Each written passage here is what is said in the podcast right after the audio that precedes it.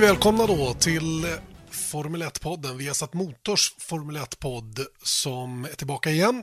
Eh, den här veckan så ska vi eh, ta ett grepp på karriären för Rickard Rudell ytterligare en av Viasat Motors F1-experter alltså som jobbar med oss och som blev Rickard Rydell med hela svenska folket genom Murray Walkers entusiastiska kommentering av BTCC på SVT i slutet av 90-talet.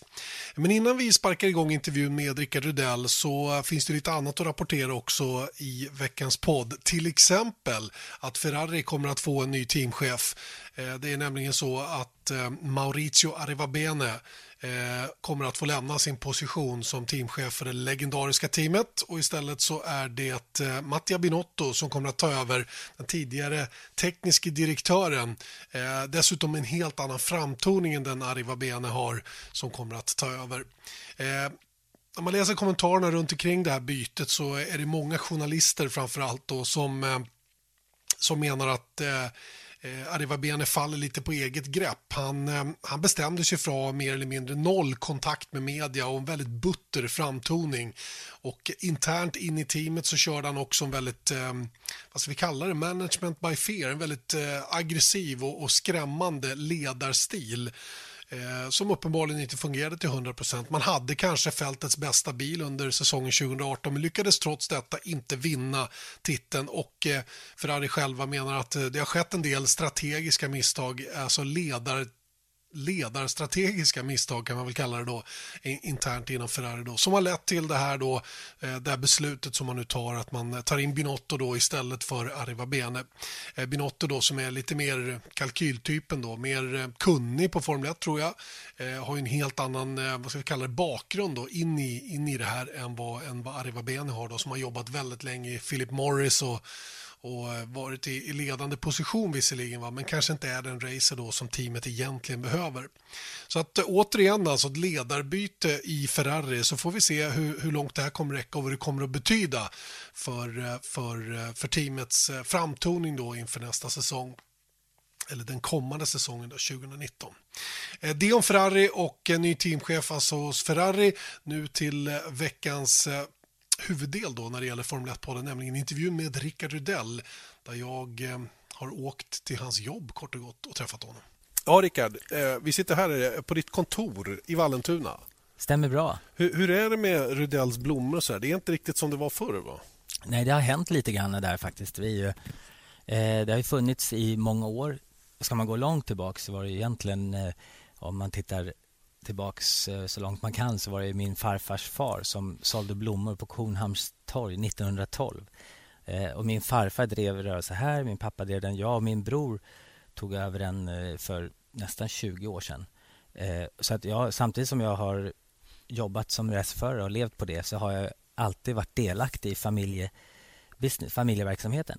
Men för ett och ett halvt år sedan så togs det över av ett annat företag som heter Blomsterboda numera, då, bolaget. Men de gamla ägarna, jag med, är, vi är fortfarande delaktiga i verksamheten till en del. Och, eh, så att jag har en del jobb att göra här fortfarande. Det är bra. Och framförallt har du ett väldigt coolt kontor. Det är ett av de coolare kontoren jag har sett. För det första man ser när man kommer in här, det är ju din Volvo S40 Just som det. står rakt in där. Och eh, den, bara den är ju ikonisk den där bilen. Vi ska ju prata mer om din karriär alldeles strax. Va? Men, men, den där bilen, den känner man så, det är så starkt eh, förknippat med dig. Ja. Hur, hur, känns det att du fick tag i den där bilen och kan ha den här i garaget? Ja, men det är lite kul och det var bara några år efter att jag slutade med Volvo då. Så den här bilen gick väl ett par år till, säsonger till.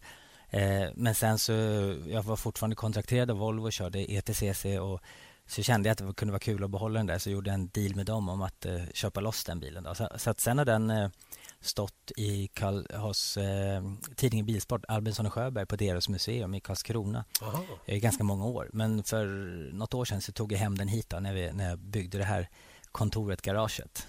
Och lite... du gjorde en shakedown med den på Knutan va? Ja, För det var inte den här du körde på Silverstone i somras? Nej, Silverstone Classic i somras var ju med en bil som går i England i det mästerskapet. Och Det är en kille, Jason Mincho, som driver den bilen där. Och Han frågade om jag ville komma över och köra.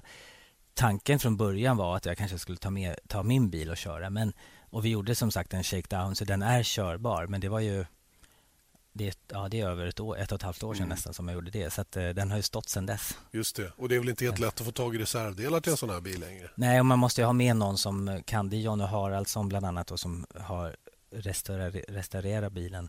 Eh, och man måste ha med sig lite hjälp för starten. Det är inte så att det, man hoppar inte in och vrider på nyckeln direkt. Nej. De var ju lite mer komplicerade de här Super Touring-bilarna än de Touringbilarna som finns idag. För de är ja. ju mer enkla att hantera på det viset. Absolut, man, behöver, värma, man behöver värma upp vatten och grejer. Det, det går liksom inte bara att starta. Så att absolut, de, de var lite svårare. Så det kan hända att den bara kommer bli stående här. Jag vet inte, inga planer på det ännu. Nej, nej, men den är, du, som sagt, gör dig inte av med bilen. Den är fantastisk och den ska ja. stå där. Och Sen är det lite overaller och alla dina pokaler som är några stycken. Ja. Och då kommer vi in på karriären som började hur? Ja, eh, det var egentligen min bror och kusin som körde gokart innan mig. Eh, så att det var rätt naturligt att jag började testa en kart när jag var nio år någonting. Då var man tvungen att vara tio för att tävla så att jag började köra kart när jag var tio. Eh, så på, och då, det var en hobby, jättekul. Pappa körde rally när han var yngre så han hade ett bilintresse. Och jag tror det är likadant för många som börjar. Du behöver ha eh, motorsportintresserade föräldrar för att börja i tid. För det är mm. samma sak i alla idrotter. Och börjar du inte i tid så har du svårt att liksom lära dig tillräckligt mycket på den tiden du kör. Och eh, var du bra på gokart? Absolut. Jag vann SM sista... Jag gick bra i början också, men vann SM när jag var 16 och 17. Klass A 100 kubik, 84, 85 var det. Mm. Eh, innan jag gick vidare. Så att, ja, gokarten var, tycker jag var en jättekul period. Och jag hade aldrig några ambitioner egentligen att fortsätta efter det. Det var liksom mer att man gjorde det på skoj. Och sen det är klart att när man blev äldre, 16, 17 där, då började man kanske tänka på att oj, man kanske kan göra något mer av det här. Liksom. Men jag tror att det är viktigt också att, att känna så när man är när man börjar, när man håller på, att man gör det för att det är kul och någonting som man drivs av, inte bara eh, tänka för långt framåt hela tiden. Du pratade om att du vann SM där, men alla som kört gokart och kommer upp sig, de har ju sen, eller kanske sådana som slutar efter gokart också, de har ofta tävlat mot stora namn. Vilka stora namn tävlade du mot internationellt? Och jag körde inte så mycket internationellt. Jag körde någon tävling, men, men jag vet bland annat att jag var på en som jag kommer ihåg för att vi stod bredvid i garaget, det var Paul Tracy. Ja. Eh, bland annat som körde, körde Indycar. Eh, men det är flera andra som jag har kört. Sospiri tror jag det var också kanske. Ja, det var några ett Det ska antal. ju vara förare då. Det skulle ja. kunna ha varit en sån som Michael Schumacher till exempel. Han är två år yngre än dig. Ja. Eh, men eh, ni, era vägar korsades aldrig på den tiden? Nej, bara i Formel 3. Mm. Eh, Macau 90 tror jag det var. När han, han och Micke Häkkinen hade en eh, tuff drabbning. Men eh, så att, nej, kart så kommer inte ihåg så mycket faktiskt. Det var mer svenska förare. Jag körde som sagt inte så många internationella race. Vilka inte... svenskar var starka samtidigt som dig då? Eh, Sätter dig på pottan? ja, men jag, tänk, jag måste tänka efter lite här. Det här var ju många år sedan. Men det, det är inte så många som gick vidare från karting precis i min ålderskategori. Så det är flera som jag vet vilka det är, men som inte gemene man vet vilka det är som Nej, jag körde det. med då. då. Robert Amrén var en Ja, men det känner man igen kanske. Mm. Eh, men, ah, det är nog flera som jag glömt bort. Så är det. Eh, kartingkarriären var ju, det den är som för alla förare starten på det som komma skall. Så att säga. Vad hände efter den då, när du var klar med att vinna SM? 16-17 år. Eh, nu för tiden är det ganska sent. Då, på den tiden var det väl ganska rimligt att ta steget vid den åldern? Absolut. Och på den tiden, så, som sagt, vi hade ju råd att köra gokart och pappa hjälpte till med det, eller bekostade den satsningen självklart. Eh, men sen var det ett ganska stort steg att ta sig vidare in i racingen. Och jag hade väl lite turen kan man säga att eh, Pico Troberg hade hjälpt Thomas Danielsson i eh, Formel 3 85. Men så sprack deras samarbete. Och på grund av att deras samarbete sprack så öppnades den porten. Och jag fick hjälp av Pico Troberg in i Formel 3. Så att han hjälpte mig första, första fyra åren jag körde. Första åren i Sverige eh, då, var det, då körde jag 6-7 det var 6-7 tävlingar i Sverige och ingenting utomlands första två åren. Men sen 88 var det lite mer, några fler tävlingar. Och det var Formel 3 direkt Formel 3. ifrån kart? Ja. Från Jaha, så det var inget mellansteg, ingen Formel Ford eller Nej, sånt? så jag hade aldrig suttit i någon annan bil och gick från kart till Formel 3. Så jag hade väl lite svårt första året. Sen blev jag tvåa i SM 87-88 och då var det bland annat Micke Johansson, en kille som vann de åren som var väldigt snabb och dominerade i F3. Så att, eh, och jag, själv, jag hade, tyckte absolut att jag hade farten och borde ha vunnit 88 men eh, av olika anledningar så gjorde jag inte det. Av olika men, anledningar, ja. det låter någonting det. Nej, men, nej, men det, man vill ju inte skylla ifrån sig. Han, var, han gjorde det bästa jobbet och vann, men han hade eh, också hade några teknisk, nej, nej, tekniska problem också och bröt några för många race helt enkelt. Ja. Eh, och sen eh, åkte vi till, men det som var kul med det i alla fall var att vi som svensk team blev inbjudna till Macau 88. Eh, och då kvalade jag trea, tror jag det var, bakom Sean Alesi och före Eddie Irvine som oh, ja. kört i England. Så det, var, det var egentligen nyckeln till att få eh, Fabriks Reynard-kontrakt 89 och köra för Eddie Jordan Racing. Och där var det Pico Troberg och Lars Frisell genom, eh, som höll på inom mobiltelefon eh, i den branschen? Eh, den branschen mm. som, som sponsrade mig 89. Så första fyra åren så hade jag sponsorer med mig för att köra. Eh, och, men efter de åren, sen dess har jag liksom bara lyckats komma in hos olika biltillverkare. Från Toyota 1990 till Volvo, Seat, Aston Martin och olika. Så att från 1990 till 2009 hade jag fabrikskontrakt med olika bilfabrikanter. Mm. Det är rätt var... anmärkningsvärt och det är, det är ju det är himla bra gjort, måste jag säga, sett till hur jag vet hur branschen fungerar. Ja, men så, och det är ju klart att eh, det är inte lätt att komma in, men när du väl har, gör, när du får chansen och du gör några bra resultat och du kommer in, då är det väl liksom då handlar det också om att hålla sig kvar. Så att det, ja, det är absolut en tuff väg dit och sen är det lika tuff väg att hålla sig kvar. Absolut. Okej, okay, vi, vi sammanfattar lite grann. Då. Du körde fyra år Formel 3 i Sverige. Tre år, Tre år. Sverige. Och sen det fjärde året det blev i England ja. för Eddie Jordan Racing. Det var din ja. första kontakt med Eddie Jordan. Ja. Sen 1990 då blev det Toms Toyota i Japan. Ja, först 89 när jag, då blev jag fyra i engelska Formel 3. Och då, Ralt var etta, tvåa, trea. Jag var första Reynard. Mika Häkkinen körde det året. Han var tia eller någonting i mästerskapet. Så att det var ändå skönt att få slagit honom. Då, Exakt. Precis. Man får ta alla fjädrar i hatten ja. man kan få. Men 1990 då var det en liten blandning. Jag körde lite engelsk. Jag körde det jag kunde köra helt enkelt. Engelska Formel 3000, inte alla lopp. Eh, jag körde Formel 3. Kör, I Japan körde jag bara fyra, fem lopp och jag körde Le Mans 24 timmars eh, och fyra eh, Grupp i Japan med Vern Schuppen, alltså Porsche 962. Och då korsades dina vägar med Eje, Gjorde de inte det? Jo, absolut. Eje körde i, Japan, så det är väl de, det året och den klassen som jag kört mot Eje faktiskt. Var du eh, snabbare? Både, nej, han körde, nej, vi körde... Jag kommer inte ens ihåg de resultaten. Grupp C var ju väldigt speciellt. Jag körde tillsammans med Johnny Herbert, bland annat i Japan. Mm. Eh, och på Le Mans med Hurley Hayward och Wayne Taylor. Gamla Också en Grupp C-bil? Ja, Grupp C-bil. Ja. Så att de loppen, Formel 3, Formel 3000, så det var väldigt mycket olika race. Jag tror jag körde en 18-19 race det året, vilket var mycket på den tiden. Då, brukar, då låg de flesta på 10-12 race. Jag tror Formel 1 gjorde man 14-15 race mm. kanske. Så, att, så det, var, det var kul. Jag lärde mig jättemycket av det. Att få liksom köra Japan, England och eh, sportvagnar, Grupp C och Formel 3. Väldigt mycket olika att hoppa emellan. Det där är någonting som jag vet att Stefan Johansson Lövis har, Lillövis har sagt alltid att man, man, blir, man ska köra mycket. Det är ja. då man blir bra. Ja. Det är då man lär sig. Vi har sett Felix Rosenqvist nu i modern tid göra det. Köra mycket.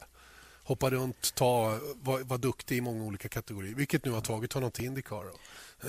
Så, så det verkar ju vara en, en, en, modell om man får möjlighet till det. Det är inte så himla lätt att hamna i det läget. Nej, precis, precis, det. Om du tittar lite på andra idrotter så tränar man liksom fyra, fem dagar i veckan och tävlar en eller två dagar i veckan kanske beroende lite på, lite på vad det är för typ av idrott. I racing så kör man alldeles för lite. Så man kan, jag tycker man kan nog inte köra för mycket. För du, precis som du säger, det kostar pengar att göra det. Du, eh, det är en dyr idrott att vara på banan och testa. Så att ju mer du kan köra, ju fler tillfällen du får till att köra och testa olika bilar, ju, ju mer måste man ta den. Så är det. Så att, eh, och du lär dig av att köra olika bilar. Och har du hoppat lite mellan olika bilklasser så blir du också bättre på att anpassa dig. Du hittar alltid någonting. Om du kör en eh, Grupp C-bil så har du kanske en, den exempelvis Porschen som vägde ja, 1000 kilo eller mer. Eh, och hade nästan 1000 hästar med fullt turbotryck. 962 962 mm. 1990. Jag var 22 år liksom och körde 364 kilometer i timmen i kval på Fuji i Japan. Det var det snabbaste jag kört någonsin. Och man lärde sig av att, att hantera en sån bil och kunde ta med sig det till andra klasser. Och skillnaden mellan en eh, Formel 3-bil och en eh, Formel 3000 i liksom aerodynamik och andra saker. Så jag tycker man man plockar upp olika saker och det gäller liksom att, att känna av och hitta de grejerna. Liksom att, att kunna förstå vad det är för skillnad och kunna anpassa sig som förare. Då. En Fia GT-bil exempelvis som har ganska mycket hästkrafter men eh, kanske ganska så understyrd i mitten på kurvan. Den måste man köra på ett visst speciellt sätt med bromsarna för att få runt framändan genom kurvan och sådana saker. Så man VR kurvan mer. Och, ja, det, det, men du det, skaffade dig en hel ja, mängd rutin helt så, enkelt. Exakt, så är det. Eh, men fanns det, inga, fanns det inga nackdelar med att hoppa mellan? Um, var det bra att kunna renodlas också? Ja, men det är klart att om du, nackdelen med det kan vara att du kanske tappar lite av det här finliret som du hittar när du kör i samma bil hela tiden. Men jag tror att eh, fördelarna väger nackdelarna där i det fallet. Så var 1990 då, var det det året när det liksom hände mest i din karriär? Hur gick det till att få alla de här styrningarna? Ringde folk nej, till dig och sa det? Bara? Nej, men egentligen var det 89, 89, när jag körde för Eddie Jordan så kvalade jag väl på pool i Macau tror jag det var. Ett, jo, pool i 89 tror jag eh, och Det gjorde att jag fick kontakt med Toyota i Japan. Och Jag hade Eddie Jordan som manager då, 89. Eh, och, men de kontaktade mig direkt. Eh, Eddie Jordan fixade Say hello to a new era of mental health care. Cerebral is here to help you achieve your mental wellness goals with professional therapy and medication management support. 100% online. You'll experience the all new Cerebral Way, an innovative approach to mental wellness designed around you. You'll get a personalized treatment plan from a therapist, prescriber, or both in a safe and judgment free space.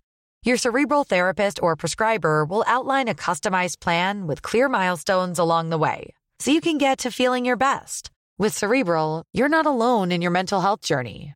We're here to empower you to live a fulfilling life. So take that first step towards a brighter future and sign up today at cerebral.com slash podcast and use code ACasts to get 15% off your first month. Offer only valid on monthly plans. Other exclusions may apply. Offer ends July 31st, 2024. See site for details. Ryan Reynolds here from Mint Mobile. With the price of just about everything going up during inflation, we thought we'd bring our prices down. So to help us, we brought in a reverse auctioneer, which is apparently a thing. Mint Mobile unlimited premium wireless. Ready to get 30, 30, to get 30, bit to get 20, 20, 20, to get 20, 20, to get 15, 15, 15, 15 just 15 bucks a month. So, Give it a try at mintmobile.com/switch. slash $45 up front for 3 months plus taxes and fees. Promo for new customers for limited time. Unlimited more than 40 gigabytes per month slows. Full terms at mintmobile.com. Grupp C-styrningen fixade Formel 3000 i England, men jag själv fixade Toyota i Japan. Eh, han var väldigt busy med sitt uppbyggnaden av hans Formel 1-team. Så att jag under 91 när, vi, när jag hade fixat eller under 90 när jag fixat Toyota-styrningen så sa jag upp mitt managementkontrakt med honom. Mm, så det var Eddie som var din manager? Ja, mm. under, det, under ett par år där. Och sen, eh, men sen hade jag jättebra kontakt med honom och inför 90, efter, ja, 91 körde jag ju det var då du hade engelska, pole position i Macau i alla fall, ja, 91? då också. Då också, så engelska, du hade det två gånger? Engelska F3 var det 91. Mm. Eh, och Det var med Toms Toyota då. Så att jag var avlönad av Toyota Japan för att köra engelska FT-serien. Och Det var när de byggde sin egen bil. Det var en eh, jättehäftig, fin bil som Andy Thorby hette han som byggde den bilen. Den är rätt så unik, den Formel 3-bilen. Mm. Och Det gjorde också att även de andra, Ralta och Dalara, de fick titta på liksom andra lösningar och sånt. Så att det, var, det var en jättekul grej att göra, kul resa att göra. Men eh, vi hängde inte med i England. Jag blev sexa i mästerskapet, vann ett race. Eh, och chassit var jättebra, men vi hängde inte med rakt fram. Jag, tror inte, jag tror inte att det bara var motorn, utan det var även... Chassin var, hade ganska mycket downforce och kanske lite, mm. lite för mycket drag. Mm. Men eh, till Macau det året så fick jag en japansk motor istället för den engelskutvecklade motorn. Och vi hade haft en dust inom teamet och jag, jag, jag tyckte väl att motorn inte hängde med rakt fram. Och förhandlade med dem i Japan eftersom jag hade kontraktet med Toyota Japan eh, om att få en japansk motor i bilen. Eh, då sa han, eh, Glenn Waters var det som var teamchef i England, att, att du kom, det spelar ingen roll, de i Japan gör ett mycket bättre jobb för de var ett och två i mästerskapet. Det var Paolo Karkaski som vann japanska Formel 3-mästerskapet. Eh, men det var rätt skönt att kvala in etta i Macau och han, Paolo som vann japanska mästerskapet stod ganska långt bakom, jag ihåg. Så det var lite revansch, att det var visa att det var, att det var i alla fall inte det var, inte bakom ratten det var Nej, fel, utan absolut. det var bakom ryggen. Och tack vare det så hade jag fortsatt bra kontakt med Toyota och körde vidare med dem i Japan 92 93. Så jag, det har varit fyra år tillsammans med Toms Toyota då i Japan. Hur var den tiden i Japan? Det är speciellt Eh. har man förstått. Nu Björn som vi gjorde en lång intervju med också har ju också tävlat mycket i Japan. Japan verkar vara ett, en gemensam nämnare för alla tre F1-experterna på, på Viasat. Ja, ja men det är lite speciellt att eh, då i alla fall och säkert fortfarande, de, de är ju väldigt dåliga på engelska de flesta teamen men det har ju blivit bättre. Men jag kommer ihåg i Toms när jag kom dit så var det en som pratade lite hyfsad engelska lite grann men de andra snackade ju inte ett ord engelska. Så att kommunicera med mekaniker och ingenjörer det blir mycket teckenspråk liksom. Eh, och ganska jobbigt på det sättet. Blev det fel då? Det Det- borde ju bli det. Ja, för att när en, eh, när en japan säger liksom, när du säger någonting och du frågar liksom, så tänker jag, ja, nu har han fattat liksom. Då säger han bara, hej. Ja, och det betyder att han har förstått frågan. Det betyder inte ja, men de Nej. säger ju inte gärna nej. Nej. Eh, för de är väldigt artiga på det sättet. Liksom. Eh, så att det, men det där lär man sig rätt snabbt. Eller alla gör ju inte det. En del eh, kanske har svårare att lära sig än andra. Men jag tyckte att det funkar ganska bra. Lärde mig hur de kommunicerade och allting och fick väldigt bra kontakt med dem. Och, eh, jag vet när jag gifte mig ett antal år senare så var den teamchefen då från Toms var på bröllopet. Liksom. Så att jag, fick ju vänner för livet från att ha kört där. Det kunde vara väldigt jobbigt när man var där ibland. Man kände sig ganska ensam. Det var liksom inte många, men... Eh, 90... Du känner igen det i filmen Lost in translation. Ja, lite grann. Men 92 när, vi, när jag flyttade dit och körde hela säsongen, både 92 och 93, då var min dotter tre månader och fru och dotter flyttade med till Japan. Så det var ju en ganska stor eh, upplevelse i livet. Samtidigt så tog det hårt på dig. Pri, privat, alltså på kroppen, fysiskt. ja, det var, ju, det var mer 93 för då valde jag att pendla till Japan fram och tillbaka. Så det var ju då alla race plus tester och ganska jobbigt med tidsomställning och sånt. Och, ehm, efter 93, 92 så var ju en jättebra säsong för då vann jag Macau och då var Jack Villeneuve trea, Tom Christensen femma. Eh, det var vi Toms Toyota-förare då. Alltså det, det, det var en bra säsong för Toyota, för Toms och för, och för mig. Eh, sen 93 pendlade jag fram och tillbaks. Lite jobbigt och fick en lungkollaps i slutet på året. Men det är ju såna, en, alltså en spontan lungkollaps. Det var ingenting som petade hål på den. och åkte in på sjukhus. Låg en vecka i, på japanskt sjukhus i Nishi Sendai. Eh, där inte heller många på sjukhuset pratar engelska. Eh, och sjukhusmat vet ju alla hur det är. Hur Mm. sjukhusmat på en lit, i en liten byhåla i Japan är inte är ännu värre. ännu värre. Så att, eh, jag kommer ihåg att läkaren där var ute och köpte någonting, grejer liksom, så att man kunde ha, få något att äta. Eh, så där, där var man ju ganska ensam. Det fanns ju inte liksom, mobiltelefoner och sånt. Man fick låna en telefon och ringa hem någon gång under den där veckan. Liksom. Mm. Men eh, det var en, ändå så var det det som kanske ganska var rätt avgörande för mitt beslut framåt. För jag hade klart med ett team att köra Formel 3000 i Japan 94. Eh, och då, det var Japan, japanska Formel 3000 var väldigt hett. Det var många som tog den vägen till Formel 1. Eddie Irvine hade gjort det, Mika Salo, eh, Frentzen, Ralf Schumacher. Schumacher. Så det var många som, eh, som tog den vägen till Formel 1 på Mm. den tiden. Och eh, Jag hade samma ambition, och speciellt efter att ha vunnit Macau och eh, kände mig, hade bra kontakt med de teamen jag pratade med då. Eh, men sen så efter den här lungkollapsen kände jag att då i så fall så skulle jag helst kanske bo i Japan och hade väl ingen lust att göra det. Eh, så fick jag erbjudandet från Volvo att köra Men du, innan vi BTCC. kommer på Volvo. Ja. Hur nära Formel 1 var du? 92 eller till 93 så hade jag ett snack med Jordan om att köra för dem. Eh, Men då, jag hade behövt ha med mig sponsorpengar. Eh, Så att jag behövde ju lägga en, ett antal miljoner kronor för att få göra det. Det var roligt för jag läste häromdagen bara i, i Autosport eh, som hade plockat upp en gammal artikel från Motorsportmagasin tror jag, om vad det kostade Michael Schumacher att köra för Eddie Jordan. Och då, där var det siffran 3,5 miljoner dollar för två säsonger. Och, och eh, man förstår, och det, det här med paydriver blir ju ännu mer fånigt för det är alla betalar. Återigen, alla betalar. Och det är klart att det krävdes pengar av dig också. då. 3,5 miljoner dollar låter ju väldigt, väldigt mycket på den tiden. Det här är alltså början på 90-talet. Jag hade ingen siffra från Eddie Jordan men vi, jag hade väldigt bra relation med honom och han hade för högt förtroende för mig. Och, men han, han var ju businessman ute i fingerspetsarna och, och han har ju gjort grejer under resans gång som vi vet. Eh, Men, men han, jag gillar honom och jag hade jättebra kommunikation med honom men vi, vi gick aldrig in för jag, jag kände direkt att jag har inte möjlighet att skaffa de pengarna. Nej. Så det var, valet för mig var att fortsätta Formel, då, Formel 3000 i Japan eh, och sen då kom Volvo-erbjudandet upp och då, då blir det som att då fick jag chansen liksom att kunna livnära mig på racen, racingen under ett antal år framåt. Liksom. Mm. Och då, för att slippa bo i Japan. Så att eh, det beslutet tog jag ändå ganska så snabbt och kände att det här är nog rätt väg för mig. Mm. Men, men samtidigt som jag tog det beslutet att köra touring cars då 94 så det tog ganska många år innan jag accepterade att jag var en touringcarförare och inte en formelbilsförare. För jag har ju alltid liksom, det, drömmen var ju Formel 1. Det är skillnad då i huvudet? Ja, liksom. det är klart det. Absolut. Och, och, jag kände att jag gör det här några år. Sen kanske efter två år, tre år kände jag, ja men nu är det mm. kanske dags att gå tillbaks. Men, men det, det, är så, det tar ju några år, ett tag innan man själv liksom accepterar mm. Eh, att, man inte, att det inte blev den vägen som man hade tänkt. Mm. Men, inte, men sen i efterhand så kan man ju bara skratta åt det. Liksom, för att det vart ju ändå en ganska bra väg. Viasat Motors Formel 1-podd alltså, som gör ett specialavsnitt idag med Rickard Rudell. Eh, jättekul att höra om din karriär så här långt. Vi är framme vid 93, 94, skarven där.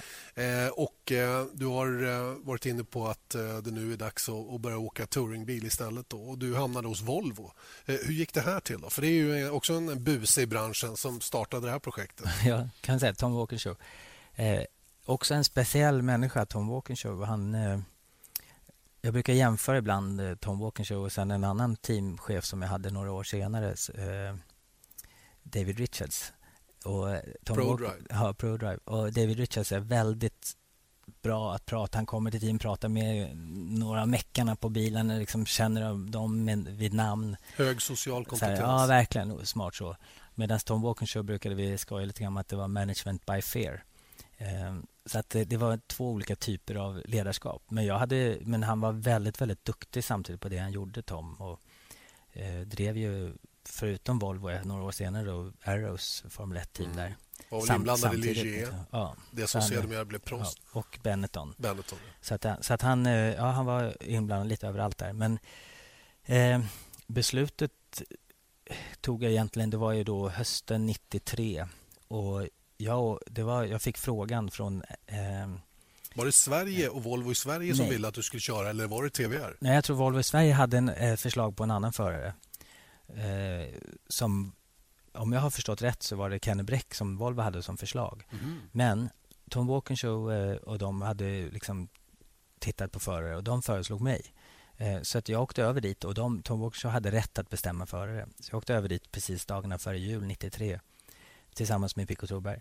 Eh, och vi gjorde klart på ganska snabbt på eh, ett möte. Jag kommer ihåg att Eh, hade du sett vilken bil det skulle bli då? Nej, ja, då, då hade, anade jag. Men innan jag liksom halvt om halvt sa ja, men kanske jag ska göra det här. Då visste jag inte att det var en Att du skulle få åka en kombibil? Nej, nej, precis. Sen så, sen så sakta men säkert så förstod man det. Men jag kommer ihåg på det här mötet vi satt med Tom Walkinshaw och förhandlade i alla fall så, så sa Pico till, på svenska till mig. Nu tycker jag att du tog i lite hårt. Nu ser han väldigt arg ut. det, men det gick rätt bra i alla fall. Vi, vi var det ett, ditt eh, löneanspråk då? Ja, det var ett, direkt ett treårsavtal mm. med Tom Boxer som mm. jag gjorde. Så det var ganska så skönt. Från att man har kört tidigare så har det oftast varit ett ettårsavtal, ibland ett tvåårsavtal. Mm. Så det var ganska sällsynt att skriva ett treårsavtal. Men eh, på sätt och vis var det ganska så skönt när man tog beslutet att göra någonting annat. Att man visste att nu har jag det här jag kan ladda på liksom några år framåt. Mm. Och eh, då kommer vi in på det där att du skulle åka 850, eller 850 Estate som heter, eller kombibilen då, Volvo 850.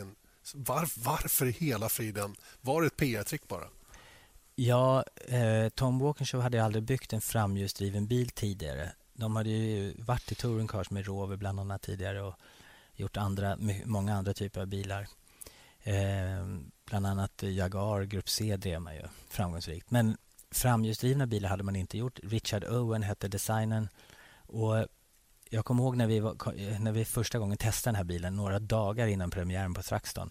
Jag och Jan Lammer som var då första förare i teamet. Holländare. Holländaren. Mm. Han, eh, det var på Tom Walkinshaws driveway om man säger, upp till vägen. Vi körde bara den här fram och tillbaka för att liksom få någon känsla för mm. att det funkar. Att det, liksom, det var vår shakedown. Eh, fram och tillbaka på en liten raksträcka. På en uppfart. Ja, och efter, fram, efter att John Lammers hade kört fram och tillbaka så klev han ur bilen och sa han, mm, eh, på, ja, på engelska, men han, alltså, Rickard, jag tycker nog kanske att du ska hoppa i och känna lite vad du tycker. Så sa han inget mer, bara titta lite grann. Och sen när jag hade kört fram till oss förstod jag, för det var, den var ju nästan till okörbar i början. För när, den var alldeles för mycket eh, tågster. Alltså när du gick på gasen så drog framändan. Okay. Och de, de hade inte fått ordning på det där. Och Det tog ganska långt in i säsongen innan det, vi kunde förbättra det. Och första racet på Thruxton som är en väldigt, väldigt snabb bana i England. Eh, så på guppen, så, det var även bumpster och tågster. Så mm. på guppen så hoppade bilen i sidled. Man, tittar man på hur vi körde så låg vi typ en meter från eh, yttermarkering på banan för du visste aldrig när du skulle hoppa en meter i sidled. Så det var inte, den var inte bra i början på 94. Men ganska så snart fick de ordning på det. Det vart mycket bättre och bilen blev hanterbar. Vi kval, jag kvalade trea på Snetterton och då var det ju BMW, Alfa Romeo och många andra bra märken som körde i mästerskapet. Så att, så att visst fick vi ordning på bilen mycket, mycket bättre. Men bästa resultatet vi hade var en fem, ett par femteplatser tror jag. Eh, så att det, det var en upplevelse att vara med om hela det här. För precis som du sa så var det ett PR-trick. Och i England så hade ju Volvo ryktet om sig att vara en... Eh, en säkra... Ja, eller farmers car. Ja, liksom. så, här, så, att, eh, och helt plötsligt så byggde man upp en helt annan image kring Volvo i England. Så det var väldigt mycket skriverier och roligt på det sättet att ha varit med om det. Så att visst var det rätt att välja då första året som ändå skulle bli ett läroår att köra kombin. Sen, men lite på grund av att vi körde kombin och Alfa Romeo och BMW speciellt då var i, i mästerskapet för att promota sina sportiga bilar så kanske inte de tyckte att det var så jättekul. Och de, bland... Ni drog ner ryktet på ja, hela mästerskapet. Och det var väl lite en av anledningarna också till att man införde vingarna då till 95. Att du hade en spoiler, en splitter fram och en vinge bak. Mm. Och helt plötsligt så, när du hade vingen i bak så var det ingen fördel aerodynamiskt med att köra kombin. Mm. Det var ju en nackdel rent att du hade så mycket vikt långt bak, högt upp. Det är ju självklart inte bra på en racerbil. Eh, sen var den ju lite för stor, lite för lång för det här mästerskapet. Eh, men 850 som också var kanske något för stor för reglementet så var ju en mycket bättre bil på det sättet just när du fick ha en vinge bak då. Sedanbilen? Sedan, förlåt, 85, mm. precis. Vanliga 850 sedanen. Så att 95 gick man då ifrån eh, kombiversionen och körde den vanliga.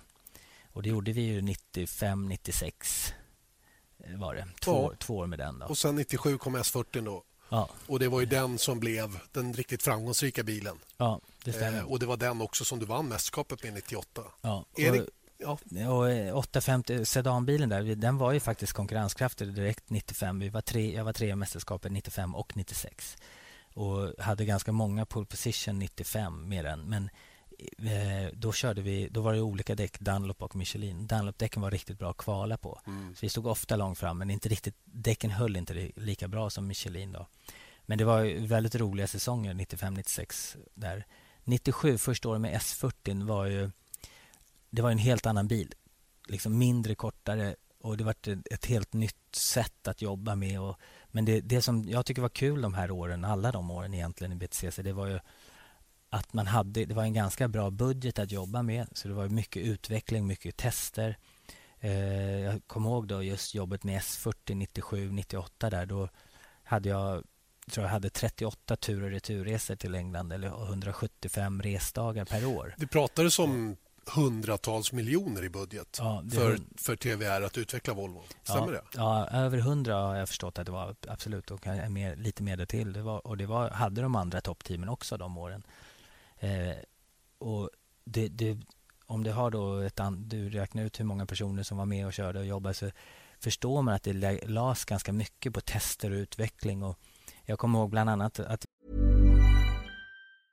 Hej, jag Ryan Reynolds. At Mint Mobile, we like to do the opposite of what Big Wireless does. They charge you a lot, we charge you a little. So naturally, when they announced they'd be raising their prices due to inflation, we decided to deflate our prices due to not hating you. That's right. We're cutting the price of Mint Unlimited from $30 a month to just $15 a month. Give it a try at mintmobile.com slash switch. $45 upfront for three months plus taxes and fees. Promote for new customers for limited time. Unlimited more than 40 gigabytes per month. Slows. Full terms at mintmobile.com.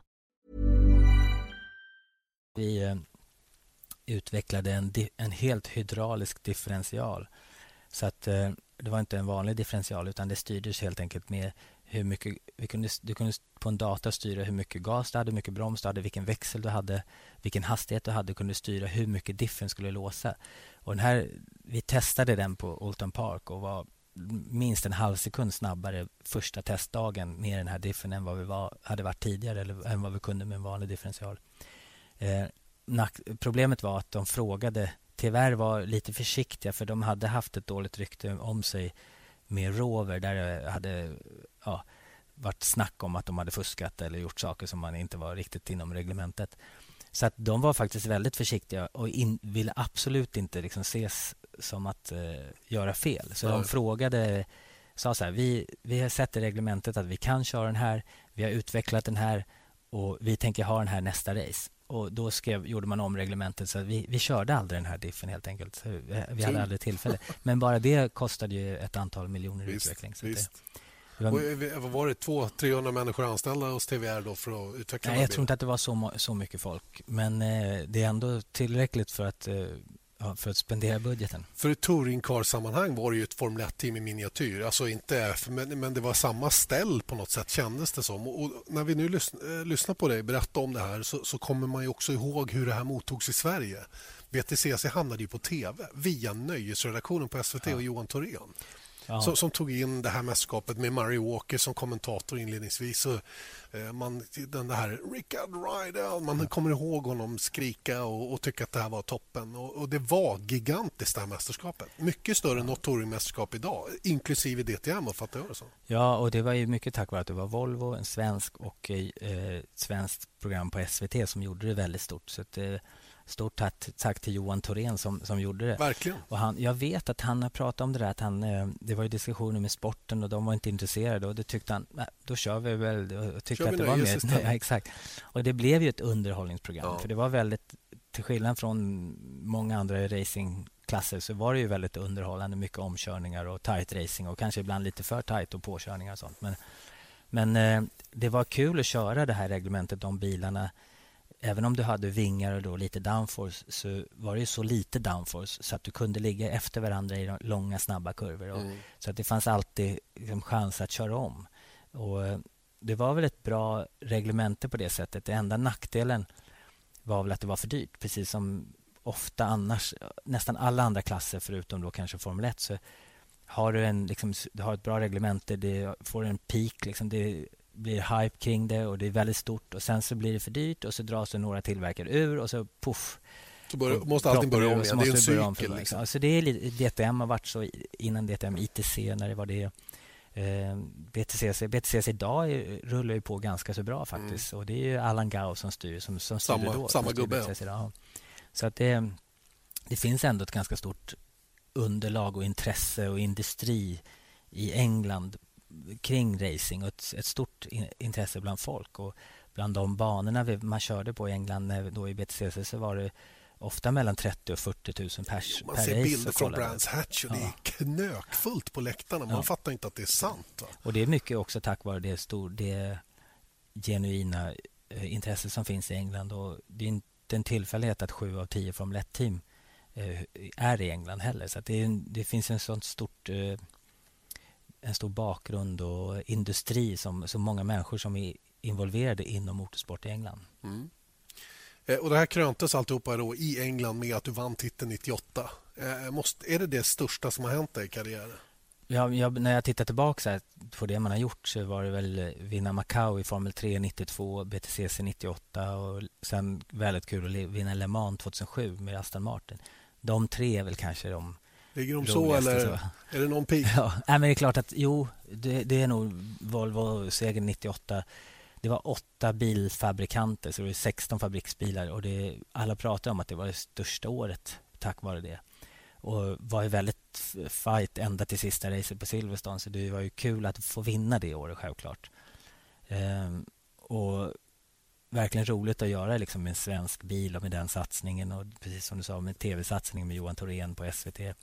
Jag vet att det var pratades om att vi hade upp till 10% tittare på mm. tisdagskvällar när det var klockan åtta. Tror jag. Så det var ju väldigt... Det var tror jag efter nyheterna på ettan eh, ganska sent, efter tio. Ja, senare vart det det. Precis. Ni hade, ja, precis. Ja, det kanske var tidigare, Ja, ja. För, för ni hade en väldigt bra inspark där. Låg ju på en otrolig sändningstid egentligen för att vara motorsport. Ja, verkligen. Så det var, det var väl kanske därför det vart så stort i Sverige. Så det, och det gjorde ju att man vart kanske in, innan, jag, för jag kände mig själv liksom när jag började där som en formelbilsförare. Helt plötsligt satt jag i en touringcarbil. De folk, många visste ju inte att jag hade kört formelbil tidigare. Nej, nej. Men det blir lite konstigt på det sättet. Man har hållit på väldigt länge och kört väldigt länge. Och det här blir bara en, några år av ens karriär, men det är det man kom, kom sig ihåg av gemene man för. Då. Det är som filmstjärnor och sånt. Vet du, de gör sitt genombrott med en film trots att de har hållit på i 15 år exakt. innan. Så. Ja.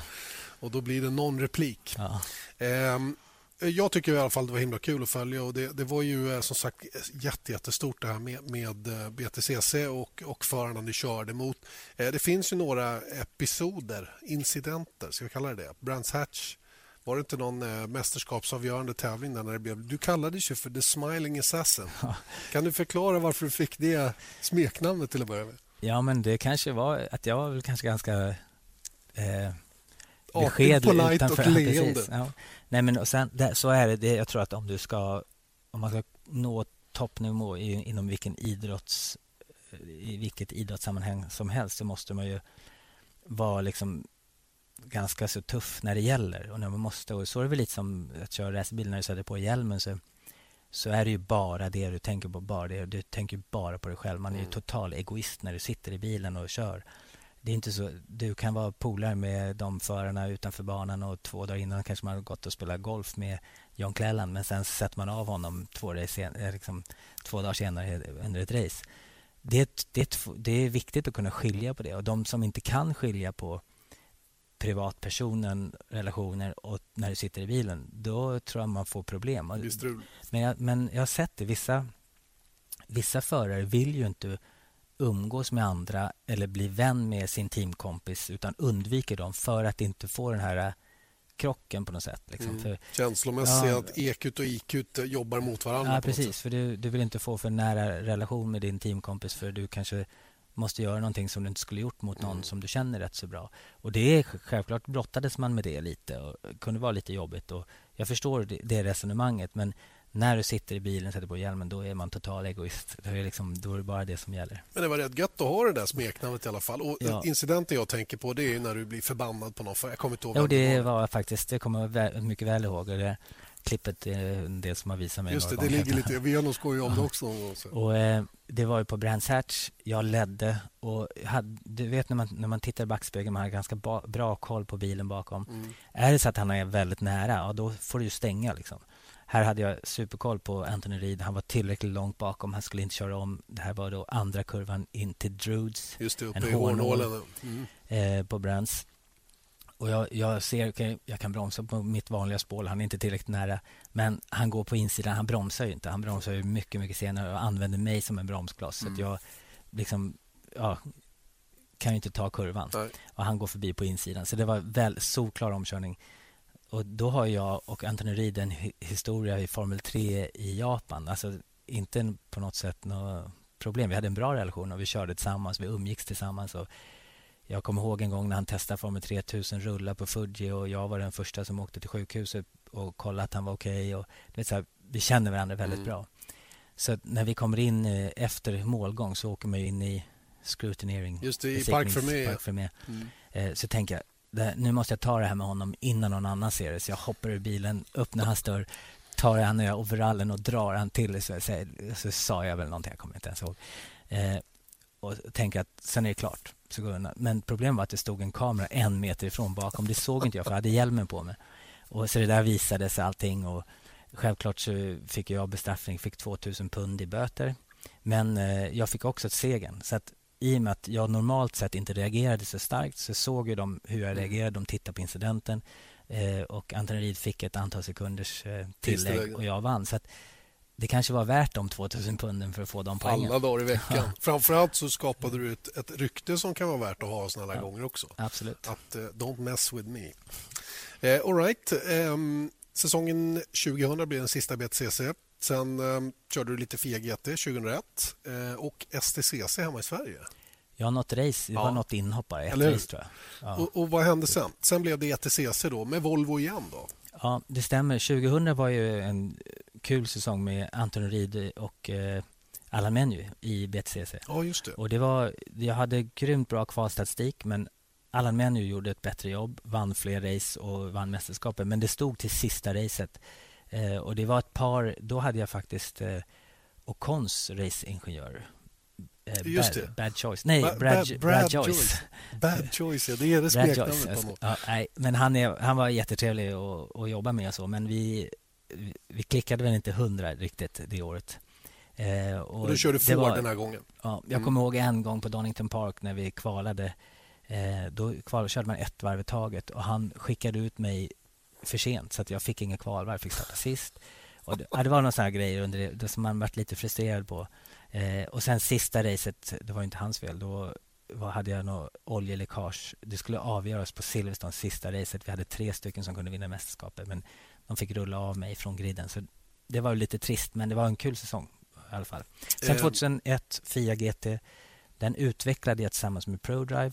Det var Ferrarin det. Ferrarin fa- 550 Maranello. Mm. Eh, och vi körde väl bara halva säsongen men jag tror vi vann, jag kommer inte ihåg, jag tror vi vann tre av sex race eller någonting. Så det var jättekul att ha varit med om att eh, göra en utveckling av en bil på det sättet. Och ProDrive utvecklade samtidigt då Volvon för ETCC 2002 och det gjorde vi där. Vi vann ett race men eh, Då var vi framme vid S60 va? S60 Mm. Men eh, var inte tillräckligt konkurrenskraftiga. Eh, Och, och det här var ju lite nya Super 2000-reglementet också för nu hade man gått ifrån det dyra Super Touring-reglementet. Precis, man hittade ett reglemente som var lite billigare. Tyvärr så drog sig Volvo ur efter den säsongen så att eh, det blev bara ett år med ProDrive. Sen var det ett, ett italienskt team, Art Engineering, som drev teamet 2003. Eh, Men jag, 2002 gjorde jag även en test för Opel i DTM. Eh, och det var, de testade ett antal förare inför 2003. Och eh, då hade, det gick väldigt bra, men de ringde till mig och sa precis innan jul att eh, körningen går till Sebastian Bourdais. Mhm. Eh, I DTM var det sagt då. Eh, Bourdais? ja, men, eh, men, men han, det, det, historien är inte klar. Så jag sa, du var tvåa, men jag är ledsen, du får inte körningen. Och då gjorde jag klart med Volvo för 2003, Art Engineering S60. Sen ringer de till mig två veckor senare och säger att Bourdais ska köra Indycar. Eh, du får körningen. Men då hade jag redan Du gjort klart med Jag kände, då, jag kände att det var, även om det var inte så kul att hoppa in i ett privat, italienskt privatteam med den här Volvo-satsningen som in, inte heller blev något bra. Ehm, så, så hade det varit roligare att kört DTM för Opel det året. Då. Men eh, jag ville inte bryta det avtalet, det kontraktet. Jag hade haft en väldigt lång, bra relation med Volvo. Så jag körde det ett år till. Eh, men sen blev det inget mer av det och efter det blev det då, i ETCC istället. Mm. 2004 och även då inhopp i STCC. Ja. Ja, något, Sista något racet race. tror jag det blev för att du Ja. supportar då. De låg väl bra till i, i mästerskapet där. 2004 var, nej var inte då, då var det väl eh, innan vi gjorde jag det var det väl med Volvo men 2004 var det med Seat, Med Seat, jag ja. körde ett race.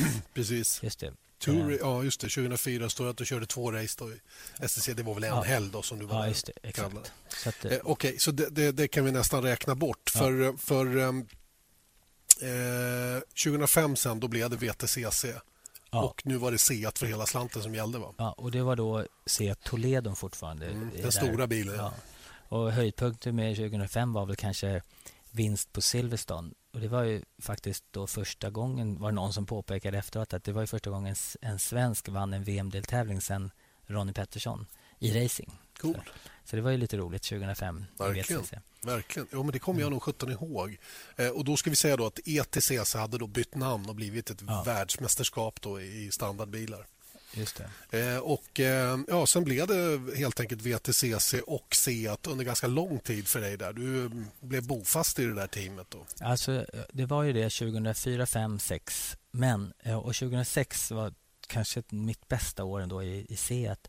Eh, då körde jag fortfarande bensinan, en bil jag gillade. Då hade jag Tarkini bland annat som teamkompis kom in och det var Müller också tror jag det året.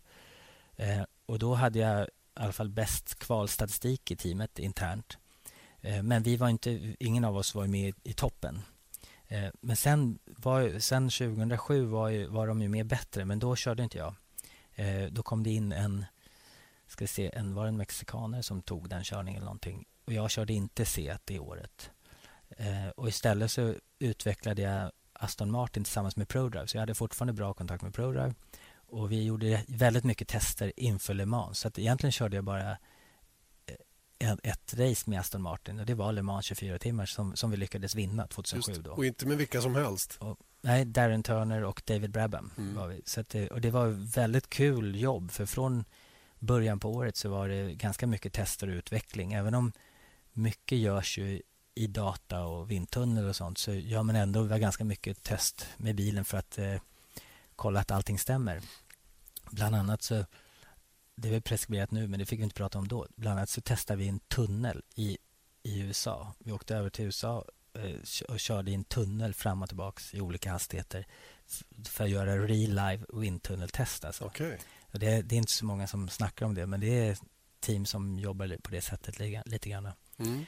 Och Det var väldigt intressant och man lärde sig väldigt mycket på det. Och Sen gjorde vi 30 timmars test på Paul Ricard två gånger och sen var det då Le Mans i juni. Så det var ett kul, kul projekt och självklart väldigt kul att få vinna en sån satsning när det var första året som Aston Martin gör en fabrikssatsning på det sättet. Mm. Så då, och den andra, den andra bilen kördes av bland annat Johnny Herbert. Och jag kommer ihåg att vi efter 17 timmar så står jag med hjälmen på mig ska hoppa in i bilen så det är strax min tur. Och Vi har kört fram till dess liksom i kvalpace för det, det har varit skilt en sekund, en och en halv sekund mellan oss Även om vi hade splittat strategierna efter någon pacecar. Så att vi bytte inte samtidigt. Men när, vi, när den andra hade bytt då, så var Man kunde se att det, den virtuella ja. placeringen ja. var bara en sekunds skillnad. Och, och, under 45 minuter, typ, eller en halvtimme, så var, var det liksom en sekund, en och en halv sekund. Men så precis innan jag ska hoppa bilen så kör den andra bilen, Johnny Herbert, kör av och förstör golvet och tappar ett halvt varv eller ett varv nästan. Och då säger de till mig, okej, okay, nu kan du ta bromsa fem meter tidigare. Så det var en rätt skön känsla efter 17 timmar som man har laddat 100 att få vara lite, lite försiktigare. För när du är, när du, Le Mans förr, när jag körde Le Mans första gången 1990 så då, då skulle du spara växellåda, man släppte gas. Man var ganska så försiktig för att spara bilen men 2007 så har utvecklingen har gått så långt och bilarna liksom håller så pass bra så att du kör för fullt. Det är liksom, du håller inte igen nästan någonting utan det är nästan kval varje timme. Liksom. Sen gjorde du inhopp på Anderstorp. Ja. I VTCC, ja. i en Chevrolet. Ja. Det här satt jag och kollade på. Ja. Det här var skitbra race. Ja. Och, och, det var blött, tror jag. Det var så, torrt, torrt blött om vartannat. Ja. Va? Var det inte det? Mixat väder. Ja, precis. Eh, och du körde Chevrolet då med Larini och med Alain Meny. Eh, ni körde samma team och eh, du vann faktiskt andra racet där. Stämmer. Och eh, du, var, du gjorde inte riktigt som teamet ville, eller? Va? Jo, alltså eller? nej. Eh, jo, kan man säga. nej, men så här var det. det, var, det jag, jag vill inte snacka så mycket om det efteråt och säga ursäkt och så. Men jag hade faktiskt klart i mitt avtal att här, om jag hade chans att vinna fick jag vinna. Mm. Eh, och Det var en av anledningarna till att jag ställde upp. Jag ville inte ställa upp bara att köra för att supporta dem ett race om jag ställer upp och jag är snabbare än dem och har chans att vinna vill jag kunna vinna. Mm. Och det står i mitt avtal. Jag har, har avtalet kvar, jag kan visa det. Ehm, och, jag tror det. Och, eh, så var, men sen var det faktiskt så att och min ingenjör självklart också när jag, hade, när jag ledde, eller när jag, eh, för jag startade på torrdäck och körde i kapp. Ja. Och när jag körde fatt och körde om och han, när jag var nästan i kapp så sa han You can do it, push, push, Rickard, you can do it. Eh, och så att jag var väldigt äggad och pushade honom att köra. Sen när jag har kört förbi, då säger liksom eller, eller innan jag körde förbi sista var jag körde förbi Menu tror jag, sen när jag körde förbi Larin, innan jag gjorde det så sa de Rickard, stay behind liksom. Och det var precis liksom, en halv raka senare var på väg om. Och så tänkte jag, jag har ju rätt att vinna. Vi har ju, det är dealen. Mm. Så jag tänkte, nej, den här diskussionen tar jag efteråt. Det var på Anderstorp i Sverige. Assassin. Kör ett race i, i VTCC och har chans att vinna. Så den tog jag. Och jag kände, jag, har, jag gör inte fel. Jag har rätt att vinna för det mm. står det i mitt avtal. Men sen var det faktiskt Nicola Larini som började liksom göra en jättestor grej av det här. För först kom Ray Mallock som då är teamchef fram till mig och grattis. Men sen efteråt, så när Nicola Larin gjorde en stor grej av det här, då började jag, ja, kanske inte var så bra det här och det. Började, så det tyckte jag lite, var lite svagt av honom att inte stå upp för det som vi hade kommit överens om. Mm. Och, men jag tänkte inte, jag, jag sa aldrig till någon press eller någonting om vad min uppgörelse med teamet. Folk får säga vad de vill. Jag tyckte att jag gjorde rätt och mm. det räcker för mig.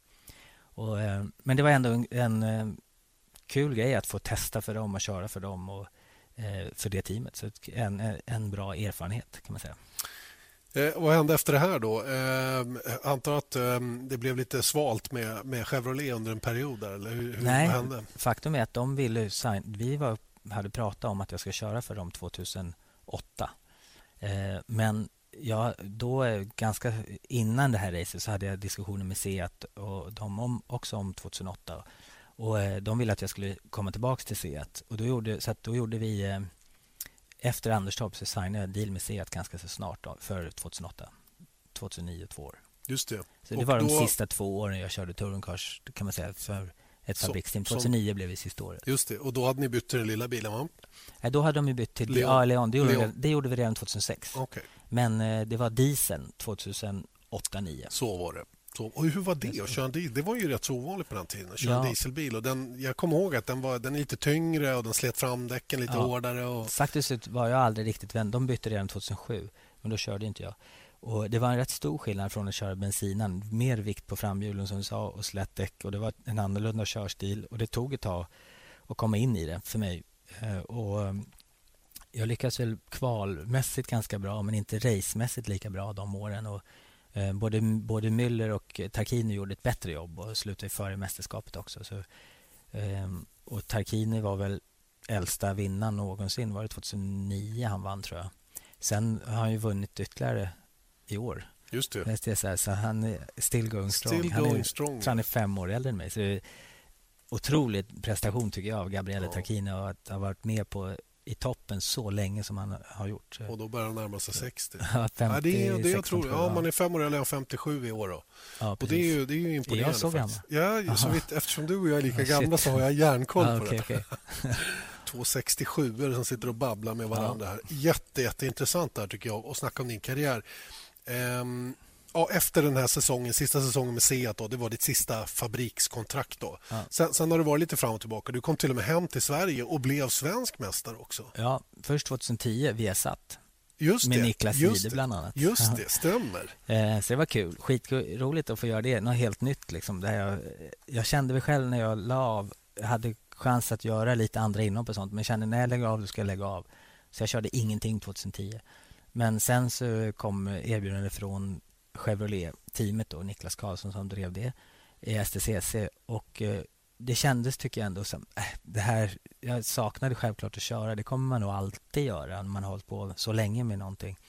Och så tyckte jag att det var en bra satsning och vi fick till eh, med rätt bra folk i teamet och så. Det var, bland annat så hade jag med mig Jonas Jarlmark som jag jobbade med två år i Seat eh, som idag är på eh, Lins eh, som ingenjör och vi lyckades vinna 2011. Så det var, det var ju en, kul att göra. Så jag körde efter ytterligare ett år 2012 där vi blev tvåa. Då. Mm. Eller, Det var lite surr om den här segern, var det inte det? Sista racet där. det tog några månader innan det Exakt. löste sig. Det Det var var, lite, det, jag Ja. såg racet och den här jädrans gula lampan ja, kontra flaggan och vilket som var prejudicerande Ja. och ve- ve- vem som går före vad och hej och. Ja. Det var mycket, mycket jidder om... och den tändes väldigt sent Mm. under sätten. Och så, det var väldigt mycket snack fram och tillbaka men det var ju skönt att det, att det avgjordes liksom, eh, till slut i alla fall. just det.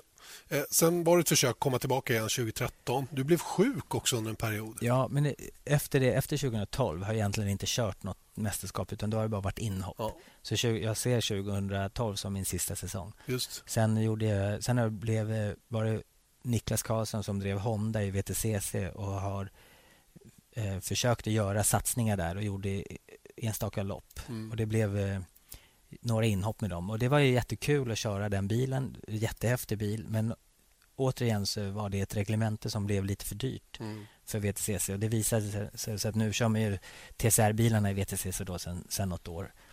Eh, eller VTCR som det heter nu det här året. Men, eh, och det var häftigt att köra, roligt men eh, vi, vi var aldrig riktigt konkurrenskraftiga mot fabriksteamet. Som ett privat team med det här reglementet var det svårt att hålla samma klass. Så att det var väl eh, det var kanske lite dömt att misslyckas egentligen med de satsningar vi gjorde. Men det var samtidigt kul och erfarenhet och ja, man lär sig alltid av det. Mm. Och, men du var krasslig under en Ja, det period var, där. jag, åkte på eh, någonting. Jag ska säga, var, det var eh, på våren inför Marocko. Jag missade ett race på grund av att jag varit sjuk. Så att det var det sköldkörtelinflammation. Så var det. Så var det. Så var det. Eh, all right. Eh, det var racingkarriären det. 2010 som vi sa då, eh, första inhoppet som tv-kommentator. Ja. Nu är du tv-kommentator på, inte på heltid ska jag inte säga, men, men eh, du gör betydligt mer i alla fall. Och vi har jobbat tillsammans nu. Eh, vi gjorde DTM någon säsong ja. och vi har gjort eh, Formel 2, GP2 tillsammans och, och du har gjort inhopp i Formel 1 och nu mer stadigvarande expert i Formel 1. Hur, hur ser du på den karriären? Jag vet att Björn tycker det är väldigt kul att liksom ha kontakt med racingen igen. Ja, men så är det ju absolut. Och när du har hållit på med någonting hela ditt liv, du har jobbat med i den racingvärlden är ändå en ganska liten ankdamm. Eh, och bland annat två ingenjörer Formel 1, Lewis Hamiltons ingenjör Peter Bonington och då eh, Brad Joyce har jag jobbat med personligen. Eh, Bono, alltså Peter Bonington var på Le Mans-satsningen och ProDrive då innan. Så att det, det är inte en så stor värld. Det är många mekaniker som man känner och teamchefer lite kors och tvärs. Så att det är roligt att få liksom komma in och fortfarande vara i den världen lite grann och träffa de människorna och prata och eh, när man kommenterar och man pratar och man söker lite, man förstår vad som händer att också då kunna förmedla det som man ser och bidra med någonting till någon, någonting som kanske tittaren inte riktigt ser. Det tycker jag är kul, när man, när, speciellt när det liksom faller på plats och man kan verkligen känna att man bidrar. Mm. Och Sen så skulle jag kanske inte vilja göra alla 21 lopp. Det är väldigt mycket resor. Jag vet ju själv hur trött du såg ut hur, hur efter, vi efter Abu Dhabi. Ja. Nej, men, eh, så att för mig passar det att göra ungefär hälften. Så det är, det är jättekul att få vara med och jag är tacksam för att jag får vara med och göra det. Eh, och kommer fortsätta göra det antagligen några år framåt. Mm. Och det är, du har ju nästan den optimala setupen med det här jobbet som du har här hemma och som du tycker är väldigt kul och, och liksom nära hemma. Eh, ja. Du bor hyggligt nära Arlanda, precis som jag, vilket är praktiskt på alla sätt och vis. Och sen då ett antal eh, race då som, som vi gör eh, ute. Och, eh, ja, inte vet jag. jag. Jag tycker det är himla kul i alla fall att jobba ihop med dig. Ja, men det tack. Ja, ja, verkligen.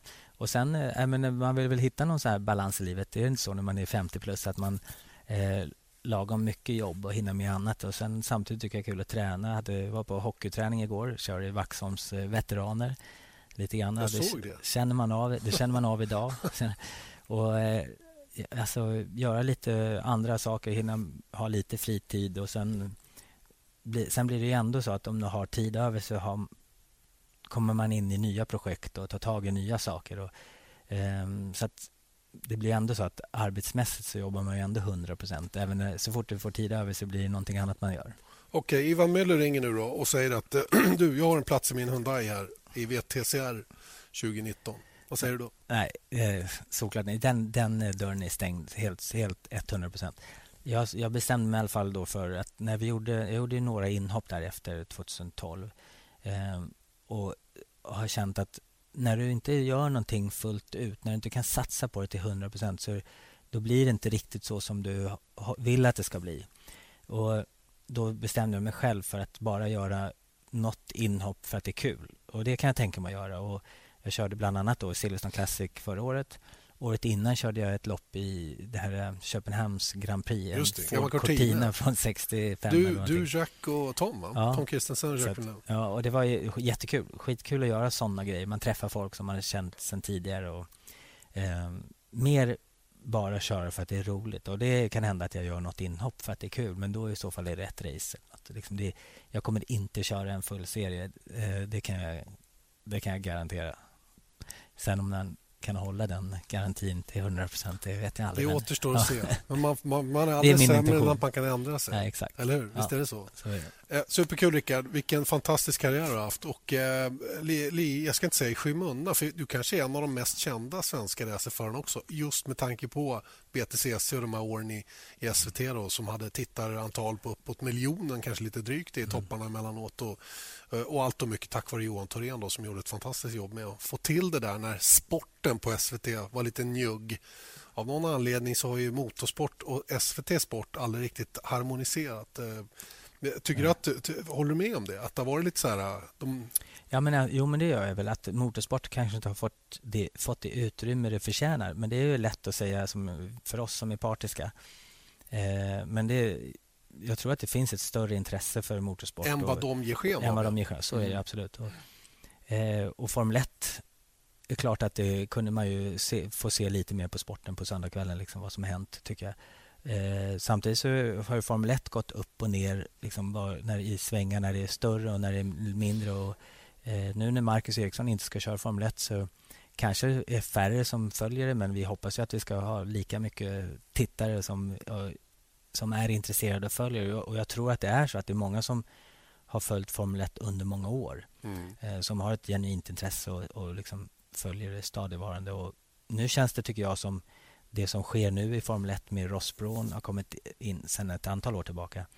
Eh, de regelförändringar som kommer 2021. Det känns ändå som att det är på väg att eh, har vänt och på väg att lyfta till en bättre nivå framåt. Jag, jag ser för det har varit lite kritiserat. Och... Det är ett konstruktivare arbete känns det som i alla fall. Även om den gamla konservativa brittiska mediamaffian där eh, ja. många gånger lyfter fram de negativa sakerna hela tiden. Men hur det än är så, så är det ju medvetna människor bakom satsningen nu. Då. Vi får väl se vad det, vad det leder till. Eh, du nämner Marcus Eriksson som efter fem säsonger i Formel 1 nu lämnar och kör Indycar. Vi kommer att ha Felix Rosenqvist i Indycar. Båda killarna kommer att köra i... i jag menar, Felix kör i mästarteamet teamet och mm. blev jättemycket berömd av Dario Franchitti då, som är lite förarkonsult i, i, i Chip Ganassi-teamet och menar att han har alla möjligheter även om han har en del att lära då, att göra bra ifrån sig. Marcus ja. Eriksson har precis börjat jobbet nu med Schmidt Peterson. Eh, han och James Hinchcliffe då, som blir teamkamrater i det teamet har satt igång förberedelserna inför 19 säsong. Och det känns som att svensk motorsport internationellt sett ändå är på en väldigt, väldigt hög nivå även om vi inte har någon i Formel 1 just nu. Nej, så är det absolut. Och det vi kommer då kanske ha förhoppningsvis Linus Lundqvist i Formel 3, internationella Formel 3 hoppas jag. Eh, och så att visst, det finns många unga förare på gång under där och det är klart att det behöver komma upp en och annan hela tiden för att mm. vi ska ha något svenskt namn i Formel 1 ytterligare om ett antal år. Det finns även några duktiga kartförare som också är på gång uppåt. Så det... Ja, du håller lite koll på kartingen också eh, av, av olika skäl. Då. Men, ja. men du har hyfsad koll på hur det ser Absolut. ut? Jag tycker det är kul att följa det och se vad det är, liksom, vilka är de nästa som är på väg uppåt. Så att, och det kanske kan hända att, man, att jag försöker involvera mig lite grann där också. Och jag har ju haft en, en ambition tillsammans med tidningen Bilsport som jag har samarbetat med i många år om att eh, ge ett stipendium. Och Det har jag gjort i är nog 15 år nu, tror jag, mm. Rydell Special Award till någon, en lovande förare för att hjälpa dem att ta ett karriärsteg framåt. Mm. Det vore kul att kunna göra någonting mer kring det. Då. får vi se vad det, vad det kan eh, bli av i framtiden. Toppen.